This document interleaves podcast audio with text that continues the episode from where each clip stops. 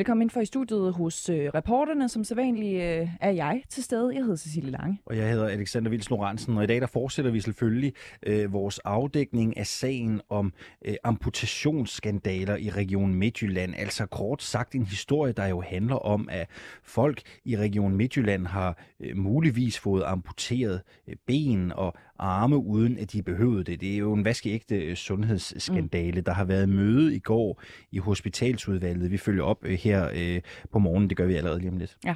Øhm, så skal vi også tale om øhm, en forening, som hedder Søstre mod vold og kontrol. Øh, fordi den danske islamforsker, som nogle af jer måske allerede kender, han fortæller i dag hos reporterne for første gang om sine oplevelser med det, han kalder øh, trusler for den her forening. Trusler, fordi de ifølge øh, Jesper Petersen selv ikke var tilfredse med øh, nogle analyser og nogle øh, udtalelser, som Jesper Petersen altså var kommet med om den her forening. Alexander, en sidste ting. Hvis man øh, lyttede til reporterne, øh, undskyld, krig i Europa i går, ikke? Det er jo vores krigsmagasin her på reporterne. Ja, det ligger jo i samme flade, ikke? Det er jo det, det. kan være svært at adskille. Det er jo det. Øhm, så kunne man høre, at vi lagde massivt pres på vores, øh, øh, på vores venner af, huset, øh, den pro-russiske mediekritiker. For lige at komme med, Jesper Larsen. lige præcis, Ja. for lige at komme med til den øh, pro-russiske fejring af sejrsdagen, altså den russiske sejrsdag. Det lykkedes os at få en invitation. Vi har sendt vores reporter Camilla Michel øh, afsted, og det skal I blive hængende og lytte til, fordi det var noget af en oplevelse. Men vi begynder med et kig på den øh, amputationsskandale, der lige nu udspiller sig i regionen Midtjylland, hvor en ekstern analyse viser, at man kan have amputeret 92 ben for meget om året, og at det formodes at have kostet liv. I en analyse, der kan man læse, at øh, advarselssignalerne har eksisteret siden 2010 og 2012, øh, hvor Region Midtjyllands amputationer første gang bliver fremhævet i kvalitetsrapporter om det danske sundhedssystem.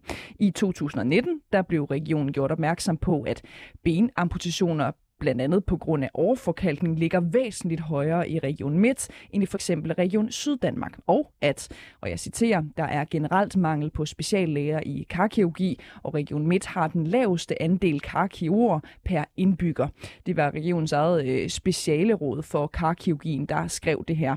Men det har øh, Region Midtjyllands administration ifølge eget udsagn ikke opfattet som en early warning. Først i øh, 2021 så besluttede regionen at få lavet en øh, analyse af karkirurgien 11 år efter første advarsel altså.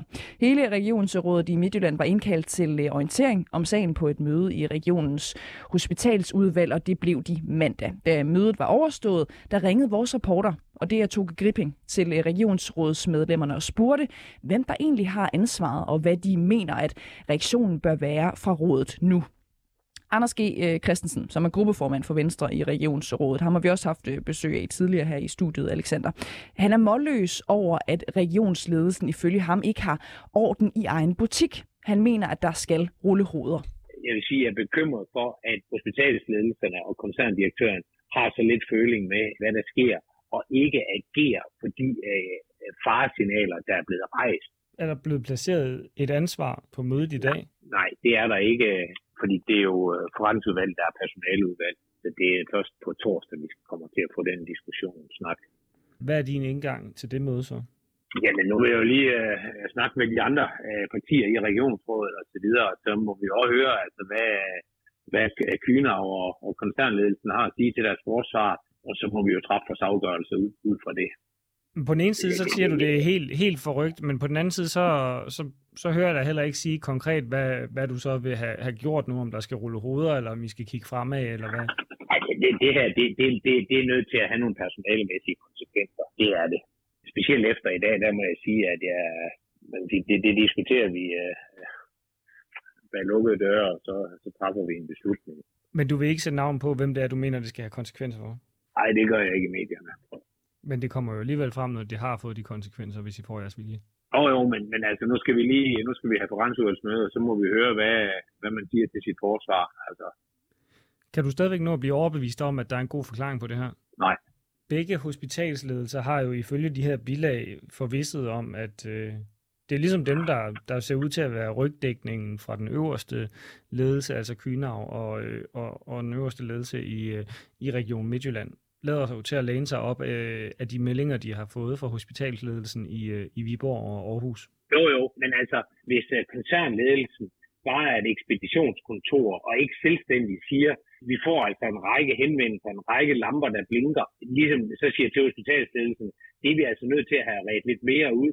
Altså, øh, så kunne vi jo bare ansætte en, en, en, en postmester op i Viborg til at, at lede og fordele de breve, eller til at fordele de breve, øh, der kommer. Koncernledelsen har jo også et ansvar, når lamperne lige blinker. Hvis de bare blindt tror på hospitalsledelserne, det er selvfølgelig fint nok, men jeg tænker, hvis man er øverste chef, øh, så burde man måske også en gang imellem sige, det kan godt være, at I siger, at der ikke er noget, men, men hvorfor bliver vi så ved med at få alle de her henvendelser? Altså, det må I jo få hulen, der kunne forklare. Og nu skal vi også høre fra Ulla Holm, som er medlem for SF og sidder i hospitalsudvalget. Hun mener dog, at man bør træde varsomt i forhold til at stille en enkelt person til ansvar for den her sag. Hun mener, at nogen herunder Venstre er alt for hurtige til at ville placere det her ansvar. Når sådan noget her sker, så er der jo nogen, der er meget interesseret i at placere et ansvar. Man kan sige, ja, det kan da principielt være noget, noget korrekt i at gøre. Men man skal jo også tænke lidt over, hvad det er, man vil med at placere det der ansvar. Jeg tror, at man kan selvfølgelig godt sige, okay, nu har vi fundet ud af, at det er de her to ledere, så fyrer vi dem.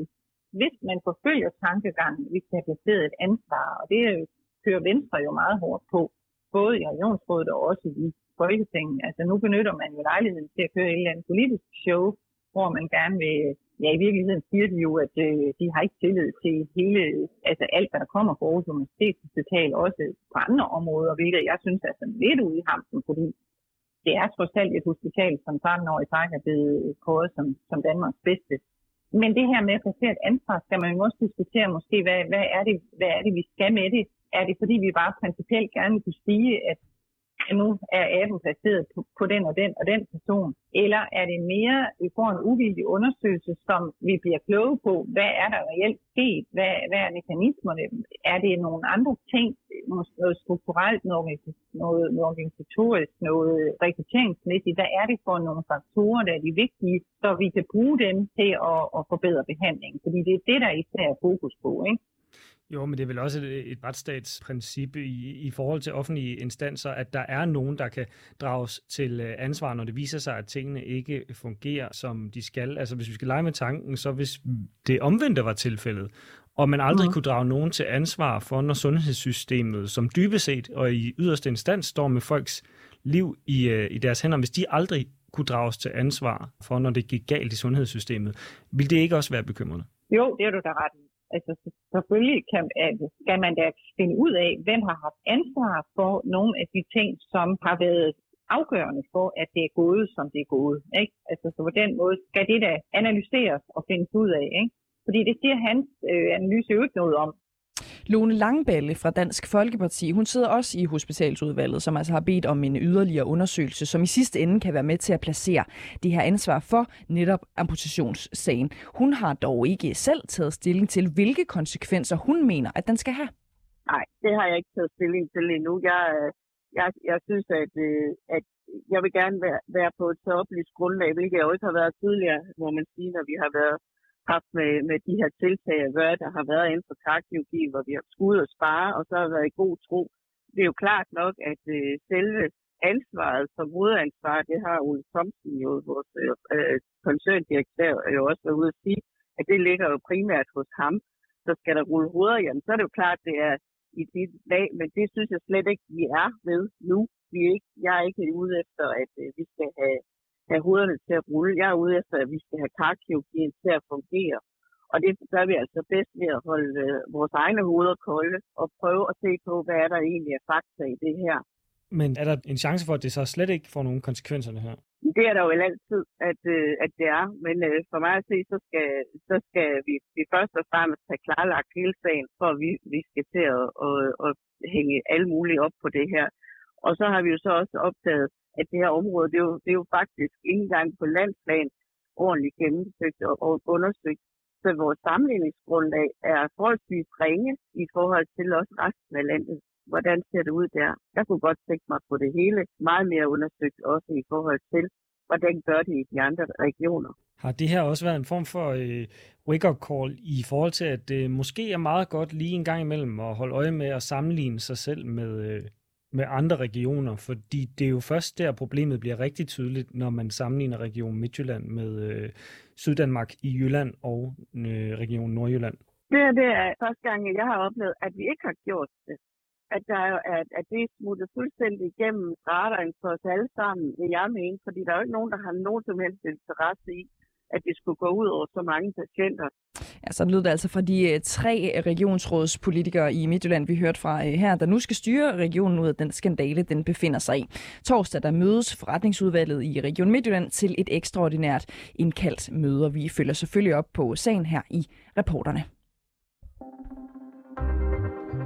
Og vi bliver øh, ved øh, amputationsskandalen i Region øh, Midtjylland.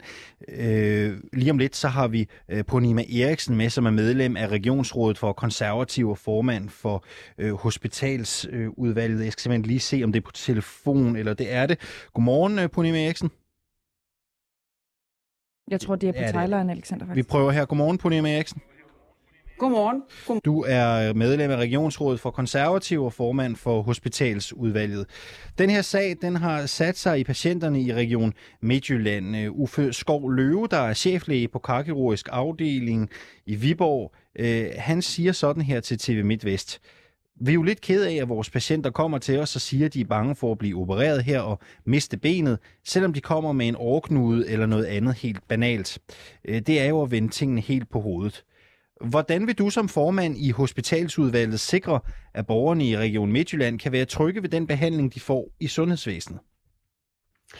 Øhm, det skal de. Øh, altså, man kan sige, det er jo en del af karkirurgien, det her. Øh, der er jo rigtig mange andre aspekter af karkirurgien, hvor vi bor i forvejen gør det rigtig godt. Øh, så det skal de selvfølgelig få oplyst ordentligt, at det kan de. Men det er klart, at med den her sag så har sat sine spor, og det skal vi gøre tydeligt, at, at vi har en opgave, en, en, en stor opgave. Det er ikke en nem opgave, men, men den forpligter at løfte Ja, og lad os lige, lad os lige sikre os et, et, svar på, et svar på spørgsmålet her. Hvordan vil du sikre, at borgerne kan være trygge ved den behandling, behandling, de får i sundhedsvæsenet? Altså for det første, så er der jo allerede på, på kort sigt allerede taget initiativer i gang. Vi har fået flere lejre, og der er mere aktivitet, øh, så vi ikke ender i øh, disse øh, såkaldte tal, så at sige. Der er jo mennesker bag de her tal, men, men det er jo det, der folk har hæftet sig ved, at, at der er lavet flere amputationer øh, end man måske skulle have gjort. Øh, så det er den ene del på den kortsigtede plan. Øh, og den anden del, der er jo, at vi skal opbygge en kapacitet. Altså, vi mangler jo karkirurger, altså, og mm. det er ikke noget, vi bare øh, kan trylle med et slag. Men det er det, vi arbejder på. Så der er to spor, øh, vi kører efter, og det, det vil jeg arbejde for. Og det tager øh, jo der er ingen, øh, hurtig... tid at opbygge en det kapacitet, det, det og som du siger, øh, Jamen, er der jo ikke nogen hurtige løsninger. Øh, men I får jo patienter ind, det gør I i morgen, det gør I på søndag. Hvordan vil du mm. sikre, at de får en behandling og ikke risikerer at miste lemmer, de måske slet ikke skulle have mistet? Altså nu er jeg selv læge, og de gange jeg har stået i en situation, hvor jeg ikke har kunnet tilbyde min øh, patienter en rette tilbud i, i Region Midtjylland, så har jeg sendt dem til Region Syddanmark. Så vi skal nok finde en løsning. Altså det, det, men, men, men vi er nødt til at opbygge vores egen kapacitet, og det er det, jeg kommer ja, til det, at gå det, i gang Det er bare de patienter, som kommer ind i morgen eller på søndag. Hvordan vil I sikre, at de får en behandling, de kan være trygge ved og ikke risikere at miste unødvendige lemmer? Altså sådan helt konkret, ja. hvordan er de ja, i sikre hænder i Region Midtjylland? Som, jeg, jeg, jeg gentager igen. Øh, jeg vil kigge på den pågældende patient, og jeg vil tale med den pågældende patient og, og finde ud af, hvad vedkommende fejler, og finde ud af, om der er nogle øh, muligheder, vi kan gøre i karkirurgi i Region Midtjylland. Øh, og det er der. Der er dygtige karkirurger. Vi har bare ikke nok af dem. Øh, så øh, det vil jeg gøre i første omgang, og kan vi ikke tilbyde øh, den rette behandling kapacitetmæssigt, så sender vi dem til en anden region. Så øh, det er den korte øh, version, så at sige. Og så er der selvfølgelig en langsigtet kapacitet. Øh, og vi er nødt til at gøre tingene ordentligt. Altså, det duer ikke med det der øh, quick fix. Det er der ikke nogen, der får gavn af. Nej, hvornår er, for, hvornår er forandringerne på plads på en måde, så I kan sikre jeres patienter i karkirurgien i Region Midtjylland en ordentlig øh, behandling uden nogen former for problemer? Altså i foråret 2020, der er Aarhus Universitetshospital allerede øget kapacitet til ballonudvidelser i benene øh, med flere lejre. Så det er der. Øh, der kommer 160 indgreb per år, altså til en kapacitet, der er øget. Så det er der. Det er den korte sigt. Øh, og så er vi øh, kigge på, hvordan kan vi uddanne vores øh, karkirurger, hvordan kan vi tiltrække flere karkirurger inden for specialet. Der, er en, der kommer en meget, meget øh, fokus og, og nogle konkrete tiltag øh, senere på året for at kunne sikre en robust Jeg er bare mere på jagt på et svar på, hvornår man i Region Midt som patient, som pårørende kan forvente et karkirurgisk system, der kører helt efter bogen med den rette kapacitet og og de rette tiltag. Hvornår synes du, det skal være på plads som øh, ansvarlig i hospitalsudvalget? Altså, det skal jo være på plads nu, så at sige, at det er jo det, vi arbejder på. Men det Altså, er det det jo er- ikke. det- Så hvornår skal det være på plads? Altså, ja, du får ikke mig til at sige en konkret dato på det her, fordi det her det er for alvorligt til, at man kan øh, gøre det... Øh, Det er bare, du politisk øh, det- ansvarlig, ikke? Hvad synes du selv er rimeligt?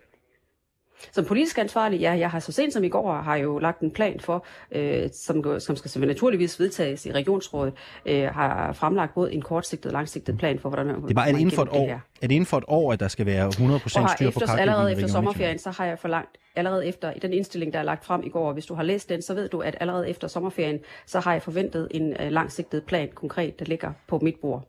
Ja, ja, men det, du forventer en langsigtet plan, men hvornår skal mm. forholdene være helt optimale, og hvornår skal alting være i orden? Det er bare, det, det, det tror jeg jo gerne pårørende, og de patienter, der er i Region Midt, vil have et klart svar Det på. for- Ser det du det inden for to år? Ser du det inden for et år? Ser du det inden for fem år? Jeg ser allerede inden for i år, at okay. Der bliver sat nogle ting i værks. Altså, det ved jeg ikke, man gør allerede i foråret. Det er den korte. Altså, der er allerede øget legekapacitet. Der er allerede fokus på øget kar- uddannelse. Det er der allerede nu. Øh, så det er der.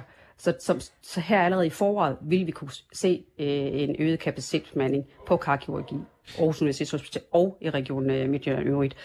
Øh, det er der allerede sat i værks, allerede her i april måned. Men når det er så sagt, det er jo en langsigtet problemstilling. Det har stået på over flere år, hvor det har været underdimensioneret. Det er jo før min tid, så jeg ved jo, jeg kan ikke gå ind i detaljer, hvad, hvad der er sket før min tid. Jeg kan kun arbejde for, hvad der skal ske fremoverrettet. Og så er jeg også selv læge, så det, det handler simpelthen om at se på den enkelte patient og give en rette behandling. Så det er ikke, øh, altså, Er du selv læge i Region Altså, Midtjylland? ja, det er jeg da. Er du jeg stolt af at gå på arbejde for tiden? Er du stolt af sådan, som Ja, det forholdene er ser ud? i den grad. Altså, ja, ja. Altså, prøv at høre, at øh, der er rigtig mange medarbejdere, der gør deres arbejde rigtig godt. Altså, jeg har været i Region Syd, Syddanmark indtil 2019, så har jeg været senere hen på Region Midtjylland. Altså, jeg synes, der er rigtig mange, der gør det godt. Så du får ikke mig til at sige, at et helt øh, system af medarbejdere øh, øh, skal gøres mis- Det er bare, om du hvad synes, hedder det kaster lidt øh, smus på Region Midts ry og rygte. Jeg er helt med på, at den her sag er noget rod. Det er ikke noget, jeg er stolt af. Jeg synes, den, den her sag, den skulle vi gerne være for uden. Ja. Øh, men jeg har altså også fokus på et fremadrettet øh, perspektiv, øh, fordi vi skal tilbyde optimal karkirurgisk behandling i Region Midtjylland. Det er det, der er mit fokus som hospitalsudvalgsformand. Øh, og så ved jeg godt, der er alt muligt med ansvarsplacering. Hvordan kan det være det ene og det andet? Ja. Ved du hvad? Det er fint. Det er bagudrettet. Det skal vi også, det, det har jeg også nævnt i går, hvis du ikke, hvis du har fået med i medierne, så har jeg faktisk indstillet til forretningsudvalget. Et, vi er nødt til at komme til bunds i sagen. Det er den bagudrettede for at kunne forstå processen, for at gøre det bedre og ikke gentage det her. To, det er den langsigtede, fordi vi skal have opbygget en kapacitet. Det sker altså ikke overnight, men jeg vil gerne betrygge mine patienter i, at, øh, eller vores patienter i Midtjylland, at vi, vi vil tilbyde karkirurgisk behandlingstilbud øh, allerede i år. Med alle de historier og de møder og de analyser, og også de fejl, der er blevet lavet i det her forløb, mm. har du fortsat tillid til, at koncerndirektør Ole Thomsen skal lede Region Midt ud af den her skandale? Jeg går ikke ind i personalsagerne. Det, det må okay. forretningsudvalget tage sig af. Men som udgangspunkt, som jeg også sagde øh, tidligere, jeg tror ikke, der sidder enkelt fagperson, politiker eller embedsmand og bevidst har tænkt, at det her det skal gå ud over vores Nej, patienter. lad, lad, os lige, jeg nej, lad os lige prøve at blive ved det Men der er et systembrist. Ja, lad os lige prøve at blive ved det et øjeblik. Ikke? Jeg læser lige noget op for dig, øh, som er et uddrag fra Avisen øh, Danmark. Mm. Koncerndirektør i Region Midt, Ole Thomsen, fortæller, at de først efter Avisen Danmarks henvendelser er blevet opmærksomme på afsnittet i rapporten om formodet dødsfald, og han er ærgerlig over, at det først sker efter rapporten er offentliggjort. Han ville nemlig gerne have haft lejlighed til at indsamle data på området. Øhm, mm. Ole Thomsen, han har selv siddet i følgegruppen til den rapport, der er blevet udarbejdet, og har fulgt og løbende godkendt det arbejde i rapporten, og så har han simpelthen ikke læst afsnittet, det måske mest fatale afsnit om potentielle dødsfald. Hvad synes du egentlig om det? Jamen, det er heller ikke godt nok, altså, øh, øh, og det, det er heller ikke øh, godt nok. Øh, men, men, men det, jeg prøver bare at sige, det her, det, den her sag er kompleks. Altså, øh, vi har altså gået med nogle patienter bag det her tal, der er altså nogle mennesker. Øh, så vi er altså også nødt til at kigge på øh, alle processer, alle, alle de sten. Ja, Hvor er det, det er der bare, gået hvis det nu var tror dig, det hvis, hvis det nu dig, der havde været koncerndirektør i Region Midt, ikke? havde du så læst mm. det afsnit?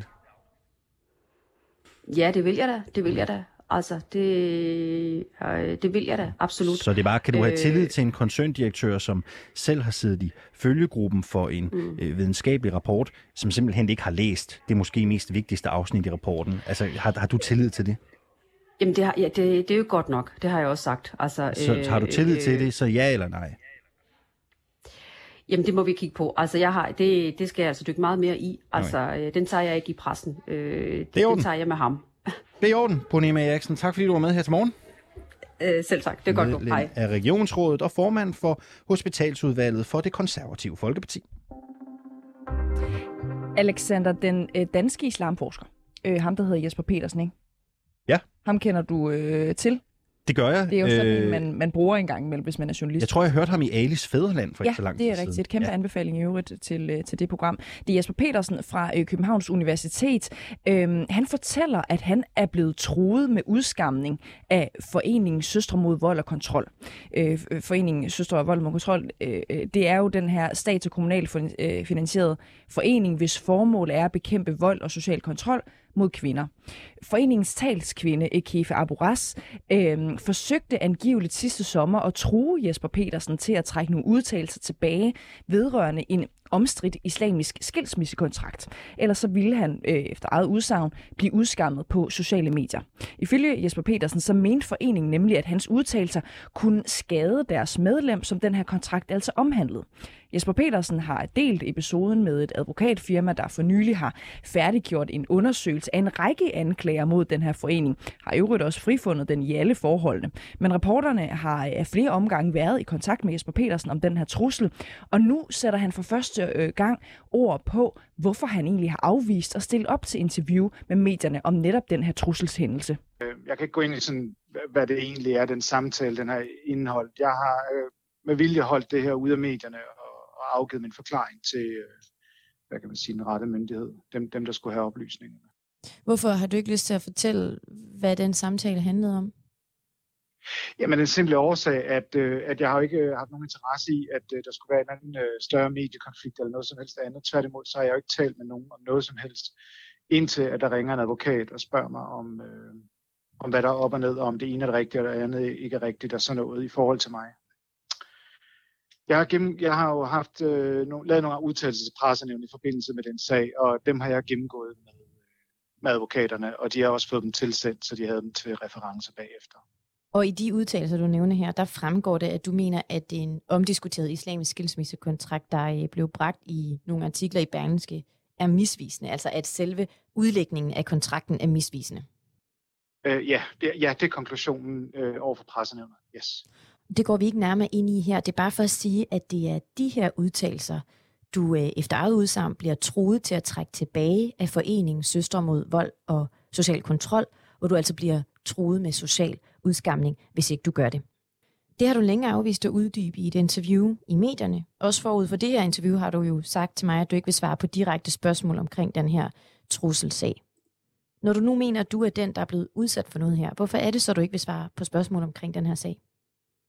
Det, det er jo en simpel situation, at jeg mener, at, øh, at de her ting, øh, de er jo blevet håndteret af de advokater. Jeg mener, det er dem, jeg skal stå øh, til, jeg skal indberette til. Og jeg har overfor advokatfirmaet givet en fyldsgørende øh, øh, forklaring, uden at holde nogen som helst informationer tilbage. Og det er det, jeg mener, det, det er det ansvar, jeg har. Øhm, derfor ønsker jeg ikke at, øh, at tale med, med journalister om den her sag. Jamen er det fordi, du frygter et eller andet? Nej, jeg, jeg har ikke noget, jeg frygter. Altså, øh, men, men jeg har heller ikke nogen interesse i at være med øh, til øh, en større debat. Jeg har jo afleveret alle de oplysninger, jeg skulle, til dem, som er blevet, øh, har fået ansvaret for at indsamle dem. Det vil sige, jeg har gjort det, jeg skulle over for de myndighedspersoner, øh, som har fået ansvaret. Øh, og så stopper den ligesom for mig. Øh, samtidig så er der jo også tale om en, en sag, der jo er lukket for mit vedkommende, eftersom foreningen har beklaget hændelsen over for mig, og ligesom lukket, når vi er blevet enige om, at, at øh, vi kommer videre. Den eneste årsag til, at jeg, jeg talte med Horton om det, det var jo netop, at, at de stillede spørgsmålet, og så blev jeg jo nødt til at svare ja, jeg er blevet truet. Ja, og vi kan jo lige tilføje, at foreningen Søstre mod vold og kontrol kom på finansloven januar 2021, hvor de fik bevillet 3,8 millioner kroner frem til 2024. Derudover så modtager foreningen årligt et tilskud fra Odense Kommune på 500.000 kroner frem til øh, september i år. Og vi bliver ved foreningen, hvis formål altså er at bekæmpe vold og social kontrol mod kvinder. Vi har nemlig også talt med et tidligere medlem, som fortæller, at hun er blevet udelukket fra foreningen. Hun fik at vide, at hun kunne blive medlem igen, når hun var gået fra sin voldelige partner. Det er den samme talskvinde, der også er anklaget for at true islamforsker Jesper Petersen, som altså nu også bliver anklaget for at ekskludere en kvinde, der havde brug for hjælp til at komme ud af sit voldelige ægteskab. Øh, men ifølge den kvinde, vi skal høre fra om lidt, så er hun slet ikke blevet kontaktet i forhold til en advokatundersøgelse. Øh, den advokatundersøgelse, øh, som øh, er blevet udarbejdet af Horten advokatfirma, og som konkluderer, at undersøgelsen ikke har givet anledning til at gå nærmere ind i spørgsmålet omkring udelukkelse af medlemmer, fordi de ikke har modtaget oplysninger herom. Kvinden hun fremstår anonym i det her interview, men her på redaktionen, der kender vi hendes fulde navn. Altså, det er jo sådan, at jeg har lavet et voldeligt forhold i mange, mange år, så mange, virkelig mange år. Og, og de havde en stor frygt for den her mand, som jeg ikke kunne komme væk fra. Hvad var det, du ønskede at få hjælp til? Jeg troede på, at de kunne løse mit problem, og de kunne hjælpe mig. Øh, fordi det var jo så svært for mig selv at, at gøre noget ved det. Altså, jeg havde ikke den styrke til det. Men, men som, sådan som det blev omtalt, så var det sted faktisk, man støttede hinanden som søstrene, som de kaldte det. Og så tænkte jeg, okay, det er det rette sted, jeg måske kommer til. Hvad sagde de så ja. til dig, da du øh, henvendte dig? Jamen, øh, så kontakter Kæffer mig og fortæller, at øh, jeg var velkommen til, de havde en eller anden møde. Jeg kan huske, det var så, sådan midt i sommer. Øh, de havde en møde, hvor man alle medlemmerne skulle møde op, og man præsenterede sig selv, og jeg blev så præsenteret og, og taget nogle billeder sammen med den gruppe her, og hun sagde, at vi skal nok hjælpe dig ud, og der er så, jeg skulle kigge mig omkring. Der var rigtig mange af de her søstre, der havde været gennem det samme, og det skulle de nok hjælpe mig ud. Det skulle vi nok have styr på. Fik du den hjælp, du føler, du blev lovet? Du siger, at de sagde til dig, at de nok skulle hjælpe dig ud af dit voldelige forhold. Nej, det gjorde jeg ikke. Det gjorde jeg ikke, og jeg siger det, fordi det var jo sådan typisk så gik man lige derover til et møde, hvor man skulle samles. Og så sad man og snakkede, og så var det dans og power, øh, øh, hvor jeg tit søgte faktisk om, hvad skal der ske? Hvad nu? Nu har jeg jo fortalt jer om mig selv. Jeg har fortalt, hvordan jeg lever med den her mand. Der kom jo ikke andet end bare samtaler, lidt psykologsamtaler som egentlig ikke var det, jeg havde behov for. Jeg havde behov for, at der skulle ske noget. Var det med en rigtig psykolog? Nej, nej, nej. Det er det, jeg mener. Nej, det var det ikke. Det var, dem, altså, det var bare de kvinder, der var der, øh, som lyttede bare til dig. Og, ja, det skal nok gå. Og jeg har også været i det der før. Og, men, men den hjælp, den var jo der sådan set aldrig, fordi altså, jeg fik jo også en masse trusler. Jeg skulle kontakte Kæfa, så hun kunne få snakket med den her betjent, og jeg kunne få den her overfaldsalarm. Men det blev aldrig, som aldrig nogensinde gjort noget ud af, før den her betjent ringer til mig og siger, øh, har du modtaget min besked? Hvor jeg så siger, nej, det har jeg ikke. Men jeg havde egentlig snakket med Kæffer om, hun skulle kontakte dig. Men hun kontaktede mig aldrig, så hver gang jeg kontaktede hende, så havde hun jo for travlt, og så skulle hun til møde, og så var der så meget at lave. At... Er det fordi, du havde en forventning om, at de skal kunne få dig ud af det voldelige ægteskab, eller hvad var din ja. forventning? Ja, ja, det var, det var egentlig det forventning. Ja, jeg havde forventet, at de kunne få mig ud af det, at de havde styr på de her ting. De hed jo Søster med vold og kontrol. Så må der vel være en grund til, at de har det navn. Der må jo vel være noget, de har gjort så godt, de har fået kvinder ud. Det var de forventninger, jeg havde i hovedet. De har styr på det. De vil kontakte det rigtige sted. De vil søge det rigtige hjælp til mig. Men der var jo ikke noget af det, som jeg siger, ikke andet end at have nogle samtaler. Der går så et pænt stykke tid, der sker ikke så meget. Så spørger hun mig, om jeg kunne komme til en møde, og vi kunne lige følge op fordi de vil gerne følge mit liv i et år, og ligesom høre, om tingene har ændret sig og sådan noget. Og der siger jeg så selvfølgelig ja tak til det. Vi kommer ind på en lille rum, fortæller mig, hvordan det går, og hvad vil du gøre, hvis du bliver fri? Øh, hvor jeg så siger, altså det er min største ønske, at have min egen frihed, at jeg kan komme og gå og sove og vaske op og gøre de ting, jeg vil, uden jeg skal være presset og stress og føle mig kvalt i mit eget hjem. Så siger hun, øh, Jamen, det kunne jeg så godt forstå. Og øh, jeg kunne ikke være i gruppen, fordi jeg ikke kom ud af mit problem. Jeg var ikke klar til at være en del af øh, deres gruppe, øh, en del af deres forening. Og der gik jeg så lidt i stå, hvor jeg var sådan, altså jeg fik et chok over, hvad hun sagde til mig. Du er leder, du kan da ikke stå og sige til en kvinde, der har fået omsorgsvigt, og det er en, der, der fortæller dig om sit livshistorie. Hvad mere skal jeg sige til dig, for du skal hjælpe mig, hvor hun siger til mig, når du er blevet skilt, når du er gået fra den her mand, er du velkommen til at være en del af den her forening. Undskyld mig. Hvorfor hedder din forening Søster mod vold og kontrol? Hvis du ikke kan hjælpe en som mig, hvem fanden hjælper hun så? Hvad er den her forening egnet til så? Hvorfor skal den have det her navn? Hvis jeg kunne løse mit problem, hvis jeg kunne klare det liv, jeg havde med den her mand, så har jeg ikke haft behov for at komme til en som hende. Hvorfor skal jeg stå? Hvorfor skal jeg være medlem? Så er jeg fri, jo, ved du hvad? Hvad skal videre i mit liv. Jeg havde brug for nogen til at støtte mig op til at komme ud af det her. Jeg havde brug for nogen, der kunne sige til mig, ved du hvad, vi er her for dig. Vi har din ryg, vi holder dig i hånden hele vejen igennem. Jeg kan huske, at jeg sad over på hende, jeg kiggede bare på hende, og hende mig selv og tænkte, løgn, hvad er det der hun siger til mig? Efter den møde med hende, så kontaktede hun mig faktisk et par gange via telefon, men jeg svarede hende ikke, og jeg ringede heller ikke tilbage. Men har du gjort, hvad du skulle for at kunne hjælpe dig selv ud af den situation, du stod i? Altså, kan det være ja. derfor, mm. at de tænkte, de ikke kunne gøre noget for dig? Nej, det var ikke det. Jeg vidste godt, at jeg skulle kæmpe. Jeg vidste godt, at det er en lang vej, det er en lang proces. Men når støtten ikke er der, og når du ikke har selv kræfter til det, når du har en frygt, så er det meget, meget svært. Det var ikke, fordi jeg forventede, at de skulle komme og bære mig ud af det her. Men at man svigter og siger, gør det selv. Prøv jeg kunne ikke gøre det selv. Det var derfor, det var derfor jeg var der. Jeg kæmper til den dag i dag. Det er to år efter. Jeg kæmper stadigvæk.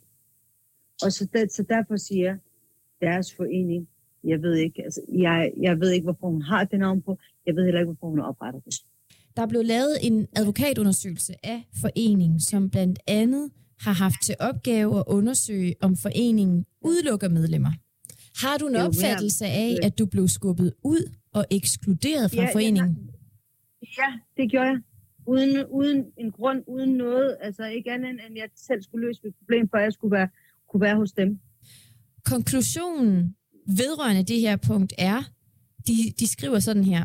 Vi har ikke fået oplysninger, der understøtter, at foreningen skulle have udelukket frivillige.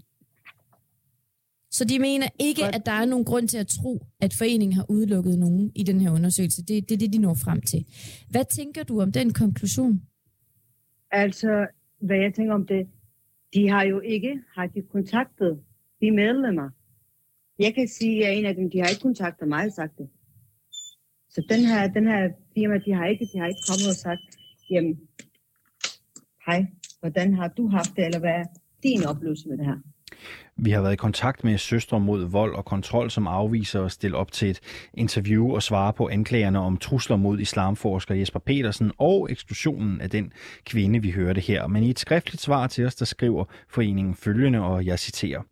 Vi er selvfølgelig meget kede af, at Jesper Petersen har følt, at dialogen med talskvinde Kefa Aboras har været truende. Vi kan som forening selvfølgelig ikke leve med, at vores medarbejdere bliver opfattet som værende truende. Vi er alle meget optaget af at hjælpe de borgere, som lever under negativ social kontrol, og jeg ved, hvor meget øh, Kiva Kifa brænder for at gøre en forskel. Øh, Kommunikation var også et forhold, som advokatundersøgelsen pegede på, hvor foreningen kunne forbedre sig. Derfor har vi også i gang sat initiativer på dette område, og dette indbefatter blandt andet et uddannelsesforløb for medarbejderne og de frivillige i, øh, i Søstre mod vold og kontrol. Derudover skal alle medarbejdere og frivillige underskrive et adfærdskodex, som de forpligter sig til at leve op til. Det kodex er vi i fuld sving med at udvikle, og hvis man enten ikke vil skrive under på det, eller ikke lever op til det, så kan man ikke være en del øh, af foreningen, lyder det i svaret.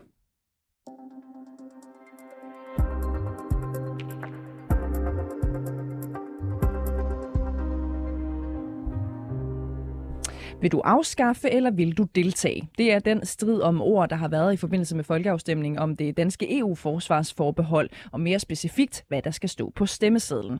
Regeringen ville i første omgang spørge danskerne, stemmer du ja eller stemmer du nej til, at Danmark kan deltage i det europæiske samarbejde om sikkerhed og forsvar. Det var nej-partierne Dansk Folkeparti, Enhedslisten og Nye Borgerlige selvfølgelig imod. De ville øh, både have ordene EU øh, forbehold og afskaffelse ind i den her formulering. Og således blev øh, formuleringen altså ændret og endt med at indeholde ordene afskaffe og deltage. Men hvorfor, Alexander? Det er jo det, vi skal blive klogere på nu. Hvorfor er det overhovedet så vigtigt, hvad der står på den her stemmeseddel? Det ved du noget om, Ditte M.B. Øh, Sørensen, chefanalytiker hos Tænketanken Europa. Velkommen til programmet. Tak skal du have. I 2019 der lavede I en øh, analyse, der viser, at det betyder en hel del, hvordan man øh, formulerer spørgsmålet til øh, folkeafstemningen. Kan du ikke lige prøve at uddybe, hvad er det, øh, som I fandt frem til i, i den her undersøgelse? Jamen, vi fandt frem til flere forskellige interessante ting. Øhm, man kan se overordnet set, så, øh, så peger undersøgelsen på det her danske paradoks øh, omkring, at der er en meget høj opbakning til EU-medlemskabet, men så øh, en knap så høj opbakning, når det kommer til at afskaffe de danske forbehold. Så det er ligesom én ting. Og så har vi så været inde og øh, undersøge, jamen, hvad betyder det så øh, hvad, hvad er betydningen af, hvordan man stiller spørgsmålet eller vinkler spørgsmålet, når, når, når folk skal tage stilling til det her? Og der viser øh, vores undersøgelse, at man har øh, mindre lyst til at afskaffe øh, forbeholdet, og man har mere lyst til at deltage i europæisk samarbejde. Mm. Og jeg ved jo, at I har også mål på, hvem der er lettest øh, er overbevis, hvis man skriver deltage i stedet for at afskaffe for eksempel. Og det er folk, som stemmer øh, til højre for midten. Forklar os lige, hvorfor det? Jamen altså man kan sige, øh, vores undersøgelse, det vi gjorde, det var, at vi gik ind og kiggede på forsvarsforbeholdet, retsforbeholdet og euroforbeholdet, og så kiggede vi så på, de, præcis som du siger, vil man gerne afskaffe eller deltage i de her områder, og hvordan forholder det sig så for forskellige politiske grupper, og der har vi så øh, dele folk ind i det, vi kalder til venstre for midten, midten og til højre for midten. Øhm, og hvis man kigger øh, på forsvarsforbeholdet, så er det tydeligt, at at det første, der ligesom er tydeligt, det er, at danskerne på tværs af ideologiske præferencer er mere positive over for et opgør med forsvarsforbeholdet, når man bliver spurgt om deltagelse, øh, i forhold til, hvis man bliver spurgt om afskaffelse. Og så er der så de her forskelle, som du peger på, på de politiske grupper. Øhm, og det vi kan se i undersøgelsen, det er, at de danskere, der placerer sig på den politiske højrefløj, øhm, i forhold til dem, der placerer sig på den politiske venstrefløj eller på centrum, i højere grad øh, bliver mere positive over for forsvarssamarbejdet, øh, når der tales om deltagelse i stedet for øh, afskaffelse. Øhm, og det vores undersøgelse faktisk viser, det er, at opbakningen til et opgør med forbeholdene stiger med 22 procent point blandt dem, der placerer sig til højrefløjen, på højrefløjen, hvis man spørger til deltagelse frem for afskaffelse. Det er jo en del. Det er nemlig en hel del, og hvis man sammenligner det med venstrefløjen, eller hvis man kigger på den yderste venstrefløj, så er det spændende at se, at der har det faktisk ikke den store effekt, at man ændrer øh, vinklingen på spørgsmålet. Øh, for eksempel, hvis man kigger på enhedslistens vælgere, så er, der, så er det stort set ligegyldigt, om man spørger til øh, deltagelse eller afskaffelse. Det er en forskel på 2 procentpoint, øh, mm. hvis man kigger på, på den vælgergruppe. Ikke? Og en forklaring på det, det kan jo selvfølgelig være, at man yderst på venstrefløjen øh, traditionelt har været meget principielt imod militarisering, øh, aktivistisk udenrigspolitik, øget forsvarsbudgetter og, og så videre. Og så betyder det måske lidt mindre, øh, om man du ved, taler om afskaffelse eller deltagelse, hvis man har en principiel modstand mod kan sige, øh, aktiviteter inden for det politikområde. Mm. Og er det den eneste årsag? Fordi det lyder jo enormt øh, interessant det her. Det lyder jo i virkeligheden som om, at højrefløjen øh, øh, er, er lettere at øh, manøvrere øh, rundt med ved bare at ændre øh, nogle, nogle få øh, ord, som egentlig betyder øh, det samme langt hen ad vejen. Er der andre årsager til, at højrefløjen er mere tilbøjelig til at lade sig overbevise, hvis, hvis for eksempel man bruger ja, et positivt lavet ord som deltage, i stedet for at bruge ordet afskaffe? Det er jo svært at sige, hvad der foregår inde i folks hoveder, når de, når de svarer på sådan nogle her øh, spørgsmål. Men, men en ting, som man kunne, øh, hvad hedder det, øh, en hypotese, man kunne have, kunne være, at selve det at have forbehold, betyder jo meget for nogle mennesker på højrefløjen. Øh, så det her med at afskaffe for, forbehold er noget, man igen principielt er imod. Mm. Hvor, hvor det her med at deltage i EU-samarbejdet på forskellige områder måske øh, i hvert fald for nogen ikke er så stor en, øh, en øh, der ikke er så stor en principiel modstand imod det. Mm. Øh, så hvis man nu sad i regeringskontorene for eksempel, så øh, vil der være en klar interesse i at skrive deltage i stedet for at afskaffe. Øh, hvorfor er det, at netop de her to ord øh, bonger ud på så forskellige måder? Jamen, altså, jeg, jeg skal ikke kunne sige overhovedet, hvilke overvejelser man har gjort sig fra øh, regeringskontorerne, men men en forklaring på, hvorfor man ser de her forskelle, kan være, at altså, selve ordet afskaffelse øh, kan opfattes som et større indgreb mod dansk selvbestemmelse og, øh, og suverænitet. Ikke? Og når et forbehold afskaffes, altså, så har det ligesom konnotationer af, at man mister noget, altså et tab og noget, man forbinder med noget negativt. Ikke? Hvor omvendt kan man så sige, hvis man bliver spurgt om deltagelse, så har det de her konditioner, af, at man vinder noget, man kommer med i noget, noget man ikke er en del af i dag, og det kan måske i højere grad forbindes med noget positivt. Øhm, hvis vi kigger til, øh, til øh, Christiansborg, og hvis vi kigger til øh, dem, som jo engang imellem, alt afhængig af hvem der sidder med magten, øh, udskriver folketingsvalg, er det så noget, vi ser gang på gang, at, øh, at de her kampen om ord, kan man sige, kampen om, om retorikken fylder noget? Ja, altså vi så det jo også i forbindelse med, med, med, med afstemningen om, øh, om euroforbeholdet, hvor der også var denne her øh, debat om, hvad der skulle stå på stemmesedlen. Skulle det være, at man ville øh, hvad hedder det, indtræde i det, den tredje fase, tror jeg, det var formuleringen, var dengang, at det monitorere samarbejde, eller, eller hvad hedder det, vil man afskaffe den danske krone? Altså, det, så man kan sige, det har en parallel til den debat, vi har set i, i denne her omgang, ikke? Og når du hører om de her debatter, øh, som jo sker gang på gang, nærmest hver eneste gang, som er, hvor der er en eller anden øh, folkeafstemning, øh, kan du så, går du så i gang med som chefanalytiker ligesom at analysere inde i din hjerne og sige, når jeg forstår godt, hvorfor lige præcis det her parti ønsker at lægge øh, fokus på ordet øh, deltager i stedet for at afskaffe for eksempel?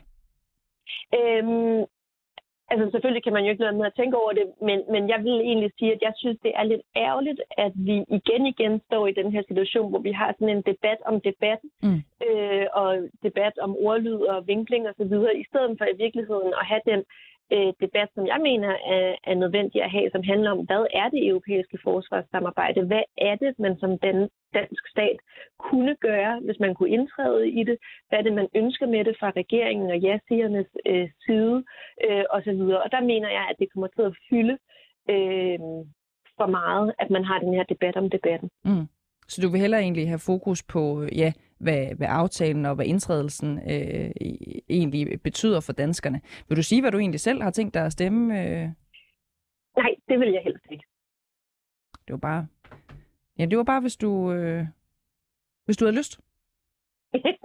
ja, den, den, det, det holder jeg for mig selv. Men, øh, men, øh, det respekterer men, vi. Men, ja.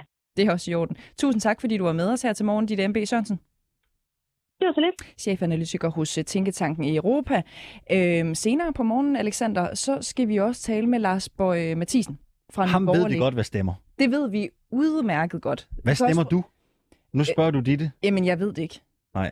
Okay. For at være fuldstændig... Jeg vil held... Hvis jeg vidste ville jeg heller ikke sige det. Nej, nej, nej. Øhm, men jeg ved det simpelthen ikke, men det er også fordi, jeg synes, at... Øhm, jeg må være helt ærlig at sige, jeg synes måske, at øh, ja-siden har lidt det problem, at de ikke formår at overbevise mig om, hvorfor det er en skide god idé. Jeg er lidt sådan en... Øh, jeg er lidt sådan en pige, der bare, altså hvis tingene øh, altså, fungerer, jeg ikke rigtig ja, jeg skulle se, sige, er du sådan en, der er til for det der meget... argument om, at øh, hvis du er i tvivl, så stem nej? Øhm, jeg forstår godt argumentet. Og så kan jeg også blive sådan lidt, uff, er det ikke også for dovent, at, at, øh, at, at det store øh, flertal øh, PT og, og de røde partier ikke formår at overbevise mig? Her til morgen sætter vi jo fokus på, øh, hvorvidt man i hvorvidt regeringen manipulerer med danskerne. Lars Bøge Mathisen, vi taler med senere, han siger, ja, øh, forskning viser nemlig, at folk har mere tendens til at sige ja til at deltage, end nej til at afskaffe. Spørgsmålet er jo så, hvad mener du? Kan du se igennem formuleringer og snedige vendinger, så byd ind til os her i debatten. Skriv til os på 92 45 99 45, eller bland dig på Facebook. Cecilie, vi har fået nogle kommentarer. Øh, jeg læser lige en op fra Christian Pedersen her. Mm. Jeg mener, det er ligegyldigt, hvad vi stemmer.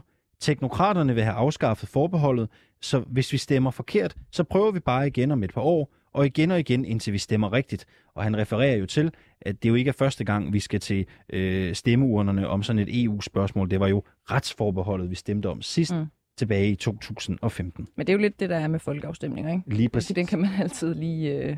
Linda Hansen skriver, alt er så manipulerende med afstemningen om forsvarsforbeholdet, at øh, det foregår midt i en krig blandt andet. Formuleringen, øh, formuleringen af stemmesedlen forsøg på demonisering af nej-siger ved blandt andet Søs Marie Serup og Malene Vind, og ikke mindst når der plæderes for Europas sammenhold. Europa er splittet som aldrig før, og især blevet det de sidste par år, og dette blandt andet af de samme politiske manipulatorer, oh. der nu vil have folk til at stemme ja. Det var en EU-modstander, der ja. kom her, hvis man skulle være i tvivl. Mm. Skal vi ikke lige tage den sidste kommentar, også den kommer fra øh, Palle. Han skriver, husk, vi skal naturligvis stemme nej til en afskaffelse af Danmarks EU-forsvarsforbehold. Mm. Danmarks forsvar skal styrkes gennem vores øh, engagement i NATO, ikke igennem EU. Stem nej 1. juni, og pas godt på Danmark. Anne-Christine Kramon, godmorgen. Godmorgen. Hvad stemmer du? Ved du det? Åh, det kommer ikke til at sidde og disclose her oh, på landsdækkende radio. Ah, vi måtte jo lige spørge øh, alligevel. Øh, vi skal runde en historie nu. Det er derfor, du er her, der grundlæggende også handler om at sige nej, og det handler ikke om folkeafstemninger. Øh, sidste uge, der udkom bogen The No Club, Putting a Stop to Women's Dead End Work, som mere eller mindre kan oversættes til Nej-klubben, sæt en stopper for kvinders blindgydearbejde. Bogen handler om ligestilling og køn på arbejdspladsen, og hvordan kvinder laver uforholdsmæssigt meget arbejde, de ikke får noget ud af. Og det er derfor, du er med, øh, Anne øh, Christine Kramon. Du er kommunikationsrådgiver, du er debattør, og du er vært på Mette og Magten her på 24-7. Hvad er det, forfatterne af den her bog egentlig siger nej til? Jamen, altså hele bogens præmis er, at øh, der er fem kvinder, der mødes, drikker en flaske vin. Den ene bringer ligesom på banen og siger, på at høre her, jeg kan se min mandlige kollega, han sidder øh, bare og får lov til at researche. Hun arbejder som forsker. Jeg render til møder konstant, jeg laver alle mulige ting. Hvordan kan det være? Så får de øh, øh talt sig frem til, at måske udfører de nogle opgaver på arbejdspladsen, som mænd ikke udfører. Og det begynder de så faktisk at researche på, fordi nogle af dem er forskere, og finder så ud af, at der faktisk er noget om snakken, at kvinder i langt højere grad tager nogle opgaver på arbejdspladsen, som, øh, lad os sige ja til opgaver på arbejdspladsen, som ikke leder til, øh, altså ikke er karrierefremmende, ikke gør, at de får en lønstigning eller en forfremmelse. Og det er ligesom hele bogens præmis. Hvordan kommer det her sådan konkret til udtryk i dagligdagen? Jamen, det kan være mange ting. Der er ligesom sådan noget, øh, der hedder kontorhusarbejde, som kan være sådan noget med at, at være den, der sørger for at lige sætte kopperne i opvaskemaskinen efter mødet, eller arrangere en sommerfest. Men der er også nogle ting som, hey, gider du ikke lige at pifte den her PowerPoint-præsentation, jeg har lavet til mit vigtige møde, lidt op, så den ser lidt flot ud. Øh, det kan også være sådan noget med at, at hyre nye medarbejdere og lære dem op. Øh, alt sammen noget, som øh, på den ene eller den anden måde er vigtigt for arbejdspladsen eller virksomheden, men ikke så vigtigt i, i forhold til den enkelte kvindes øh, karrierevej. Så det bliver en slags social lim på en arbejdsplads? Det kan man godt sige. Altså, der, der skal jo også være nogen, der arrangerer den her øh, sommerfest. Der skal jo også være nogen, der ligesom sørger for, at tingene hænger sammen. Men det er bare ikke noget, der kan måles på bundlinjen, og mm. på mange arbejdspladser, så er det sådan, at medmindre det kan måles på bundlinjen, så det er der, du bliver, gør dig selv til en værdifuld medarbejder. Og du kommer jo fra en verden, hvor bundlinjen selv er exceptionelt vigtig. Ikke? Du har været kommunikationsrådgiver og været selvstændig. Øh, du har også siddet i store kommunikationshuse. Har du egentlig nogensinde selv oplevet det? Der bliver skrevet om i den her bog. Har, har du sådan mærket det på egen krop? Jamen det har jeg jo, og, øh, og jeg stemte jo ind i, i kagedebatten sidste år, hvor jeg jo ligesom turnerede lidt med det, med det synspunkt, at man skal passe på med at positionere sig selv som sådan en kontormor, der netop bliver den sociale lim på arbejdspladsen, fordi så kommer du ikke, øh, øh altså så står du ikke i første kø til forfremmelserne. Men jeg har oplevet det af flere omgange. Jeg har haft øh, en manager, der konsekvent sagde til nye kvindelige øh, øh praktikanter, øh, vi øh, lægger jo stor værdi i, at der bliver bagt kage til os her på arbejdspladsen, og jeg elsker banankage. Seriøst? Helt seriøst. Hvor jeg jo så har taget de der kvindelige praktikanter med ud og sagt, ved du hvad, hvis du bager en eneste kan, øh, banankage, så propper jeg den så langt ned i din hals, at du ikke... hvor, hvor var det henne? Vil du sige det? Nej, det vil jeg ikke sige. Ah, okay. øh, men, men, øh, og jeg har også oplevet at sidde til møder, hvor der har, altså øh, konsulentverden, hvor jeg ligesom har, har været i 10 år, er jo ekstremt hierarkisk, hvor jeg har siddet sammen med faktisk den samme manager, og så en, der var under mig i niveau, øh, hvor jeg sidder og skal overtage en kunde, Øhm, og hvor der mangler kaffekopper på bordet, hvor den manager bare sidder og spørger mig gentagende gange, gider du have en kaffekopper, selvom der sidder en juniorkonsulent lige ved siden af mig, men han er selvfølgelig en mand. Ja. Øhm, så det, og, og det kan være små ting, at man ikke lige... Altså, det kan godt være, at, at det lyder sådan lidt, åh, oh, hvorfor gider du ikke engang at have en kaffekopper? Men, men i det store billede, så skal man bare lidt passe på, fordi lige pludselig så sidder du øh, i et eller andet hjørne og netop arrangerer sommerfest og laver de andres PowerPoint-præsentationer rigtig lækre til, når de skal til vigtige møder. Som ikke er karrierefremmende, vel at mærke. Det er jo det, den her debat øh, handler om. Du nævnte også lidt tidligere, Anne-Christine øh, Kramon, at du tappede ind i den her debat. Det er jo faktisk noget tid siden. Øh, også, øh, er det ikke et år siden eller det andet? Jo, altså, det før den her, ja, Ja. før den her bog jo altså øh, udkom, og, og, og vi snakker om det, øh, og vi snakker om det igen. Og jeg kan jo også huske øh, fra den gang, hvor du sagde, vær lige ops på at være hende, der altid bærer øh, banankage, at der fik du jo en del øh, respons, som var sådan, det skal du fandme ikke blande dig i, og, øh, og kritik af din øh, måde øh, at, at fremlægge det her på. Prøv lige at forklare, hvad, hvad, øh, hvad folk ligesom sagde til dig. Jamen, det var jo især øh, ældre kvinder, som på den ene eller den anden måde var ledere eller mellemledere, og som har bagt kage til deres kollegaer, og det er der i hvert fald ikke gået noget galt i. Øh, og det er jo, øh, altså... Øh, Øh, den der debat blev også meget simplificeret til, skal du bage kage til en arbejdsplads eller ikke bage kage? Det var jo rent faktisk ikke det, der var øh, min pointe. Det handlede om en, en lang række opgaver, man skal i hvert fald være opmærksom på, hvis man udfører dem som kvinde. Og det er tit sådan i debatten, det har vi også set med MeToo-debatten, at hvis, øh, hvis øh, nogle kvinder har oplevet noget, altså hvis de har oplevet at få et klap i røven, og det har de faktisk overlevet, hvorfor brokker unge kvinder sig sådan over det? Altså mm. der er sådan, på den måde er der ikke så meget søstersind altid mellem øh, den ældre generation af kvinder og den yngre generation af kvinder. Mm. Men jeg kan jo se på den yngre generation, jeg har jo fået ekstremt mange beskeder fra folk, der var sådan, hey, jeg sad faktisk lige i et møde med min chef, og så spurgte han, om jeg lige kunne gøre det der, og så tænkte jeg lige over det der, du havde skrevet, og så var jeg sådan lidt, nej, det kan jeg ikke, men jeg vil faktisk gerne arbejde øh, på den her kunde i stedet for, som jeg ved kan drive mig frem til et sted. Altså, mm. Så jeg tror da, at, og det er lidt med de der opgaver, at hvis du først lige øh, ser det, hvis det først er, øh, ligger i- inde i din hjerne og lige ulmer lidt, så ser du det også, når du øh, agerer på din arbejdsplads, og så kan du bedre ligesom... Øh, er far for at blive brændt øh, på bålet af, af nogen, så først til at spørge, er det her et øh, patriarkalsk øh, problem, som er dybt funderet i arbejdspladser, eller er det også nogle gange et kvindeproblem? Er kvinder mere tilbøjelige til at sige, øh, jamen jeg vil da øh, gerne bage øh, kage, fordi det synes jeg er hyggeligt, det er en interesse, jeg har, eller tror du, det er forventning fra arbejdspladsen, som fylder mest i det her? Altså, bogen viser jo, at både chefer, mænd, men også andre kvinder, øh, forventer, at kvinder siger ja til den her slags opgaver. Mm. Så det er jo et fælles problem, vi alle sammen har, og vi kan jo heller ikke bare altid skyde skyldene på de dumme mænd øh, og sige, altså nogle gange tænker jeg også, at de her mænd er jo også øh, født af en kvinde og opdraget af en kvinde. Altså, så det er jo noget, vi alle sammen... Øh, der er jo et eller andet, der er jo en eller anden sådan implicit forventning om, at man som kvinde har et større omsorgsgen, man vil hellere sørge for, at de andre har det godt. Altså man bliver jo netop positioneret også som en social lim, så det er jo noget, vi ligesom alle sammen skal være opmærksom på. Mm. Hvem vil du egentlig helst spise en kage fra, mig eller Alexander? Jeg tror, det vil være Alexander, fordi så har han sikkert købt den, fordi jeg tror, han er dårlig til at bage. Det er fuldstændig rigtigt. Ja. Men til gengæld køber jeg altid den dyreste kage. Det er jo det, fordi så Ja. kan du lige kompensere på den Ja. måde. Ja, Fordi lige du har præcis. så mange penge. Øh, det har jeg i hvert fald haft, før jeg startede med at arbejde her. øh, men det er, jo en helt, øh, det er jo en helt anden snak. Har du egentlig oplevet det selv, Cecilie? Også det med, med, med, med kage og det der med at forventes, at man påtager sig nogle opgaver, som måske ikke er direkte karrierefremmende? Jeg har i hvert fald øh, oplevet det der med, at det godt kan være... Jeg ved, det er så måske ikke lige, øh, det er så måske ikke lige kage, men sådan noget med, og oh, du er god til at tænke kreativt i forhold til noget med SoMe eller et eller andet øh, andet, så kan du ikke lige give et nap øh, med? Der er også den her PowerPoint-præsentation, eller Nå. hey, vi får de her mennesker på besøg, og du er så... Øh, øh, Du er så sød. Du er og så frisk, sød og frisk. Vil du ikke lige tage imod dem? Og Ja. ja, Lige på. Kan du ikke lige tage imod i din kort nederdel? Nej, det var for sjov. Det, øh, det sidste. Men, men jo ting, som ikke er garanteret er karrierefremmende.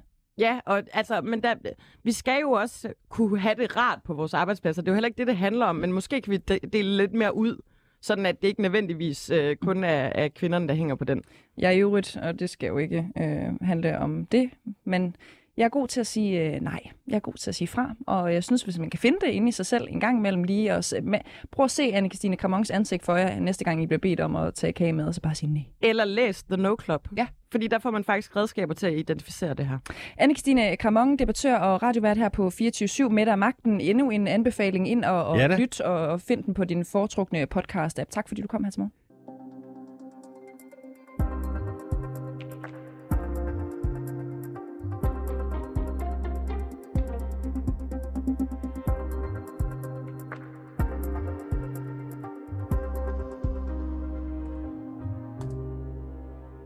Lytter til øh, reporterne her på øh, 24-7. I studiet er Cecilie Lange. Og jeg hedder Alexander Vils Lorentzen, og om cirka 10 minutters tid, så øh, taler vi også med Lars Bøje Mathisen. Han sidder i Folketinget. Det gør han for Nye Borgerlige, og han mener, at regeringen manipulerer med danskerne, når de lægger op til formuleringen. Vi skal jo alle sammen stemme lige om lidt til, øh, mm. vi skal stemme om, hvorvidt vi skal bevare øh, EU-forsvarsforbeholdet. Øh, øh, og Lars Bøge Mathisen, han mener altså, at regeringen manipulerer med danskerne. Det gør han, fordi forskning jo viser, at folk har mere tendens til at sige ja til at deltage i ting, end ved aktivt at sige nej til at afskaffe noget. Øh, vi spørger derfor her til morgen, om du selv mener, du kan se igennem formuleringer og snedige vendinger. Og lad os lige prøve at tage et par kommentarer. Jonas Nordfyr Holum skriver til os, det er manipulation i allerhøjeste grad. Jeg er chokeret over, at der ikke er flere medier, der kalder regeringen ud på deres uværdige metoder. Anders skriver, Socialdemokraterne står for manipulation og magtmisbrug fra ende til anden. Sin nej til en eu her og gradvis overgang til elitens United States of Europe. Sådan. Der er, er ikke i tvivl om, hvor han står i hvert mm. fald. Mm. Skal vi lige tage to øh, kommentarer mere, så skal vi også videre, Alexander. Der er John, der skriver, husk, at der allerede nu tales om at afskaffe vetoen ved operationer i EU-sammenhæng. Vi kan altså tvinges til at deltage i, i, øh, i, i fald vi afskaffer vores øh, forbehold. Det er jo sådan set en, en, en rigtig udvikling set af John her.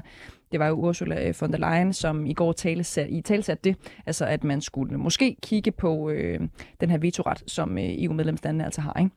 Lad os tage øh, en mere. Lad os tage Brian. Tommelfingerregel nummer et. Når regeringen forsøger at narre hvilket var tydeligt med den første snedige formulering på stemmesedlen, så stemmer du modsat, det vil sige nej til afskaffelse af forsvarsforbeholdet. Mm det var vel mere en anbefaling, end det var øh, en decideret holdning. Det kunne du godt sige. Der er også nogen, der spekulerer i, det her forsvarsforbehold øh, lander det lidt øh, belejligt nu, hvor vi alle sammen taler om øh, krigen i Ukraine og de redsler, som vi alle sammen er vidne øh, til. Øh, først og fremmest øh, selvfølgelig øh, borgerne i Ukraine. Og Alexander, hvis man lyttede til vores øh, magasin Krig i Europa i går, så hørte man måske også, at du er meget kraftigt øh, plæderet for, at øh, vi skulle have en invitation her på rapporterne til fejringen af, øh, øh, ja, det hedder den russiske sejrsdag, ikke? Lige præcis, ikke? Altså alle dem, der mener, at Rusland har øh, øh, et eller andet, øh, har fanget noget rigtigt i den her konflikt, mm-hmm. ikke? Mhm. Fordi alle andre medier i går, ikke? Jeg tror, var det ikke radikale venstre, der havde arrangeret sådan noget langbordsmiddag ude foran den ukrainske ambassade? Det er det, alle de andre løber efter. Så skal vi sgu til russisk sejrsfest. Jo, præcis. Men det er jo også bare, fordi det er interessant at kigge på det her øh, fællesskab, community. Der findes jo masser af, af, af russere, øh, der tidligere boede i Rusland, i Danmark, ikke? Og der var også lagt an til den helt store festdag for russerne i København, da de altså mandag, det var i går, fejrede sagen, øh, sejren, undskyld, hedder det, over nazismen i 2. verdenskrig. Det er jo det, der var, altså den, den mm. maj, ikke? Det er ligesom det, man øh, markerer. Men føles det anderledes i år, når russerne ligger i krig med Ukraine? Og er der i øvrigt øh, mange, som øh, møder op, altså også ukrainere, for at, demonstrere, mens russerne gik øh, deres parade? Vores reporter, Camilla Michelle Mikkelsen, hun tog afsted, efter vi har fået den her invitation af en af vores øh, faste gæster i Krig i Europa, nemlig Jesper Larsen, som er øh, russisk, og han er også øh, mediekritiker. Camilla Bichelle tog altså afsted til den her parade og var efterfølgende inviteret til øh, fest hos det russiske kultur- og videnscenter. Lad os prøve at høre, hvordan det gik.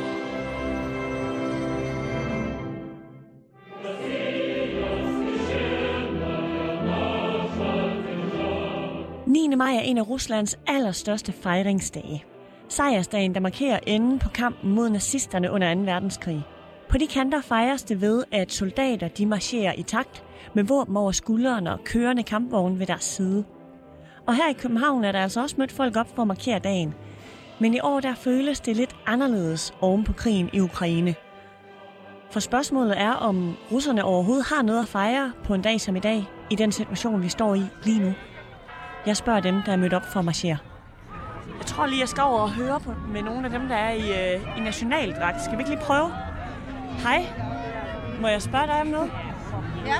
Hvad er I mødt op for at fejre i dag? Ja, i 1945, 9. maj, der vandt Rusland 2. verdenskrig. Så vi øh, minder om, min øh, oldefar, han har kæmpet for 2. verdenskrig for at befri os, så vi kan trække vejret, vi kan leve, vi kan arbejde, vi kan få børn. Jeg tænker på, føles det anderledes i år, end det har gjort de andre år, taget ja, situationen i betragtning? Der, der er rigtig stor russofobi i Danmark, og jeg og min datter blev nærmest hver dag truet med, at de vil tage organer fra min datter og brænde dem og slå mig ihjel. Og ja, altså det, russofobi det blev meget, meget værre. Hvem er det, der tror dig? Ukrainerne. Hvordan føles det, at der står en hel skare af mennesker herovre og buer af jer og ikke synes, I skal være her? af den, fordi, undskyld mig, du er, det, man er ikke voksen nok, at man gør sådan. Og hvis man er voksen, så vil man ikke gøre det. Jeg er ukrainer, og de er ukrainer. Ja. Men jeg ved, hvad jeg står for. Ikke? Hvis... Hvad er det? Hvad står det for? Jeg står for monazisme. Det står jeg for. Ja. Er Zelensky, er han nazist? Det ved vi ikke. Zelensky, han er komiker har været med i mange film i Rusland. Altså, jeg ved ikke, om han er nazist. Jeg kender ikke personen. Hvad fejrer du i dag? Uh, jeg fejrer ikke noget som helst. Min farfar var uh, deltager i 2. verdenskrig og uh, blev uh, fanget af japanerne i det, der hedder Indonesien i dag, og uh, tortureret i en måned og derefter halshugget. Han kæmpede for det samme, som vi kæmper for her, imod nazismen. Det, der foregår i Ukraine lige nu, er det også en kamp mod nazister? Ja, det er det. Zelensky, altså præsidenten, tror du, han er nazist? Nej, det tror jeg ikke. Han er jøde, men øh, han er desværre præsident for et meget, meget usympatisk øh, styre, der sandsynligvis kommer til at forsvinde meget snart, heldigvis. Jeg håber, der kommer et demokrati, ligesom der var før Zelensky kom til magten. Nu bevæger jeg mig fra russerne over mod ukrainerne, og de er rasende. Der, der er rigtig dårlig stemning. Der er både politi, og der er demonstranter.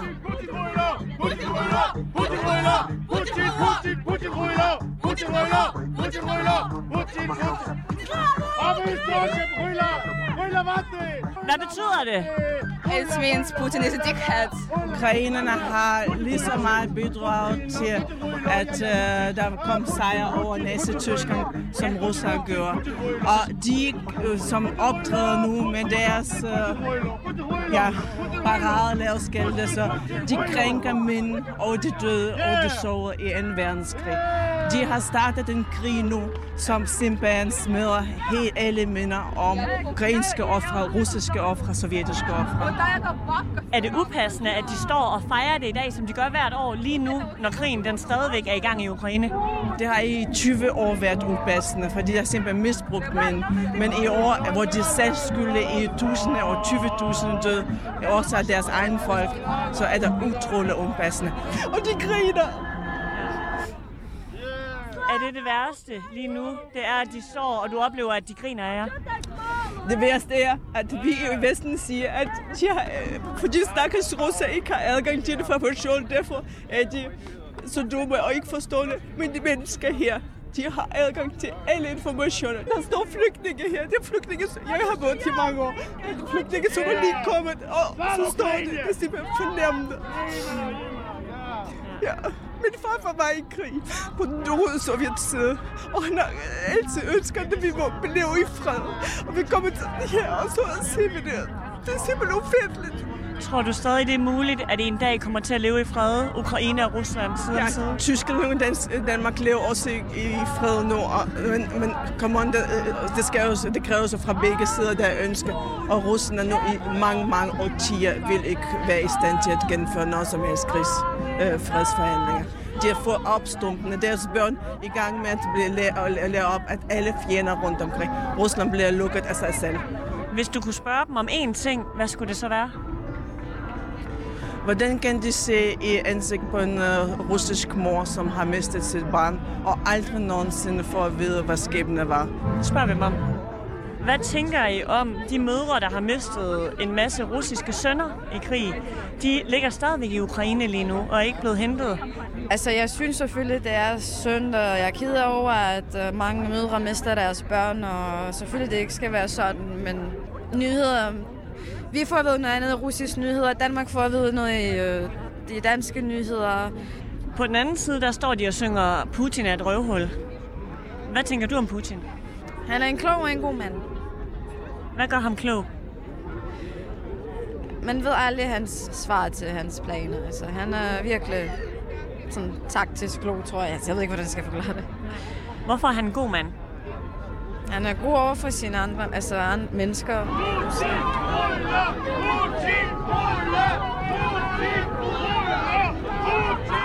Her bliver rækket fast. Føles det anderledes i dag end sidste år for eksempel? Den føles meget malplaceret-agtig øh, med den modstand, der bliver givet af nogen fra Ukraine. Ligesom på vores egen befrielsesdag den 4. maj, som blev fejret på Rådhuspladsen øh, med, jeg synes det var blasfemisk af Mette Frederiksen, og at vi skulle høre på en nazistisk øh, præsident fra Ukraine tale til det danske folk. Tror du, Zelensky er nazist? Jo, han er i hvert fald øh, sympatisør med sine øh, nazi-bataljoner i Ukraine. Den krig, der udformer sig mellem Rusland og Ukraine lige nu, du kalder det en militærstrategisk operation, kan jeg se, når, du, når jeg siger krig. Ja. Er det en kamp mod nazisterne fra Ruslands side? Blandt andet, ja. Og mod øh, de amerikanske biolaboratorier, der er, og øh, underjordiske tunneller, hvor der foregår øh, mennesketrafficking, og, eller menneskehandel, og især sex-trafficking med børn. Det vil han gerne udrydde. Denne her militær strategiske operation, den har været skyld i en hel masse civile menneskers død. Børn, der dør, unge kvinder, børn, der bliver voldtaget. Hvad tænker du om det? Har du set det? Jeg har ikke set det. Tror du ikke, det sker? Jo, det er muligt. Jeg ved det ikke. Det er jo forfærdeligt, hvis det gør. Jeg ved ikke, om det sker. Og så er jeg meget i tvivl om, at det er det russiske militær, der udført den grimme gerning. Hvem tror du, det er? De ukrainske nazister. Så hvis det er rigtigt, så tror du, at det er de ukrainske nazister, der voldtager deres egne og udgiver det for at være russiske? Ja, hvis ikke deres egne, så er de russiske øh, sympatiserende og det russisktalende folk, som de gerne vil have ud af Ukraine.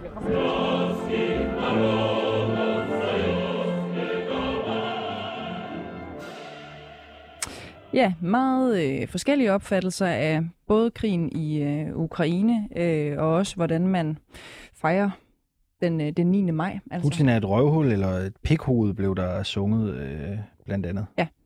Sådan lød det altså fra den russiske sejrsdag. Det var Camilla Michelle Mikkelsen, som havde været afsted til demonstrationen her, hvor både øh, pro-russiske og pro-ukrainske stemmer var øh, mødt op. Og vi har jo her på 24-7 øh, dækket, hvordan der er misinformation på begge sider af krigen. Men der er jo en grundlæggende skepsis over for uomtvistelige fakta i, i det, vi hørte her hovedsageligt fra russisk side, hvis man skulle være lidt fræk.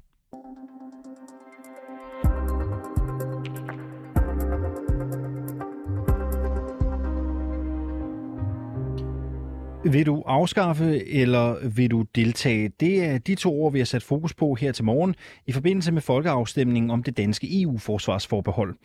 Regeringen ønskede at spørge danskerne, stemmer du ja eller nej til, at Danmark kan deltage i det europæiske samarbejde om sikkerhed og forsvar?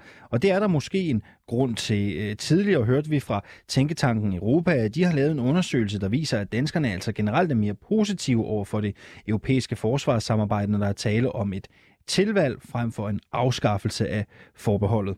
Godmorgen, Lars Bøge Mathisen. Godmorgen. Du er medlem af Folketinget, det er du for Nye Borgerlige. Regeringen har ændret formuleringen, men du mener, at dens første bud på formulering af spørgsmålet til folkeafstemningen næsten er en direkte manipulation af befolkningen. Hvorfor mener du det? Jamen, det første problem, der var, det var jo, at øh, i, den, i den allerførste sætning, som de kom frem med, der indgik hverken øh, EU øh, eller, eller forsvarsforbehold på noget som helst tidspunkt i den sætning. Øh, og, og, og det er jo klart, hvis man vil have en, en bestemt øh, svar af befolkningen, så søger man jo om at spørge, så man tror, man får det svar, man gerne vil have. Og det er mit grundlæggende problem øh, med det, som regeringen har gjort. Så ændrer man det selvfølgelig øh, en, en enkelt takt, men, men det er kun ændret på den måde, at man har tilført øh, det til allersidst, og det, det første, der står, det er nøjagtigt det samme som i den, i den første sætning.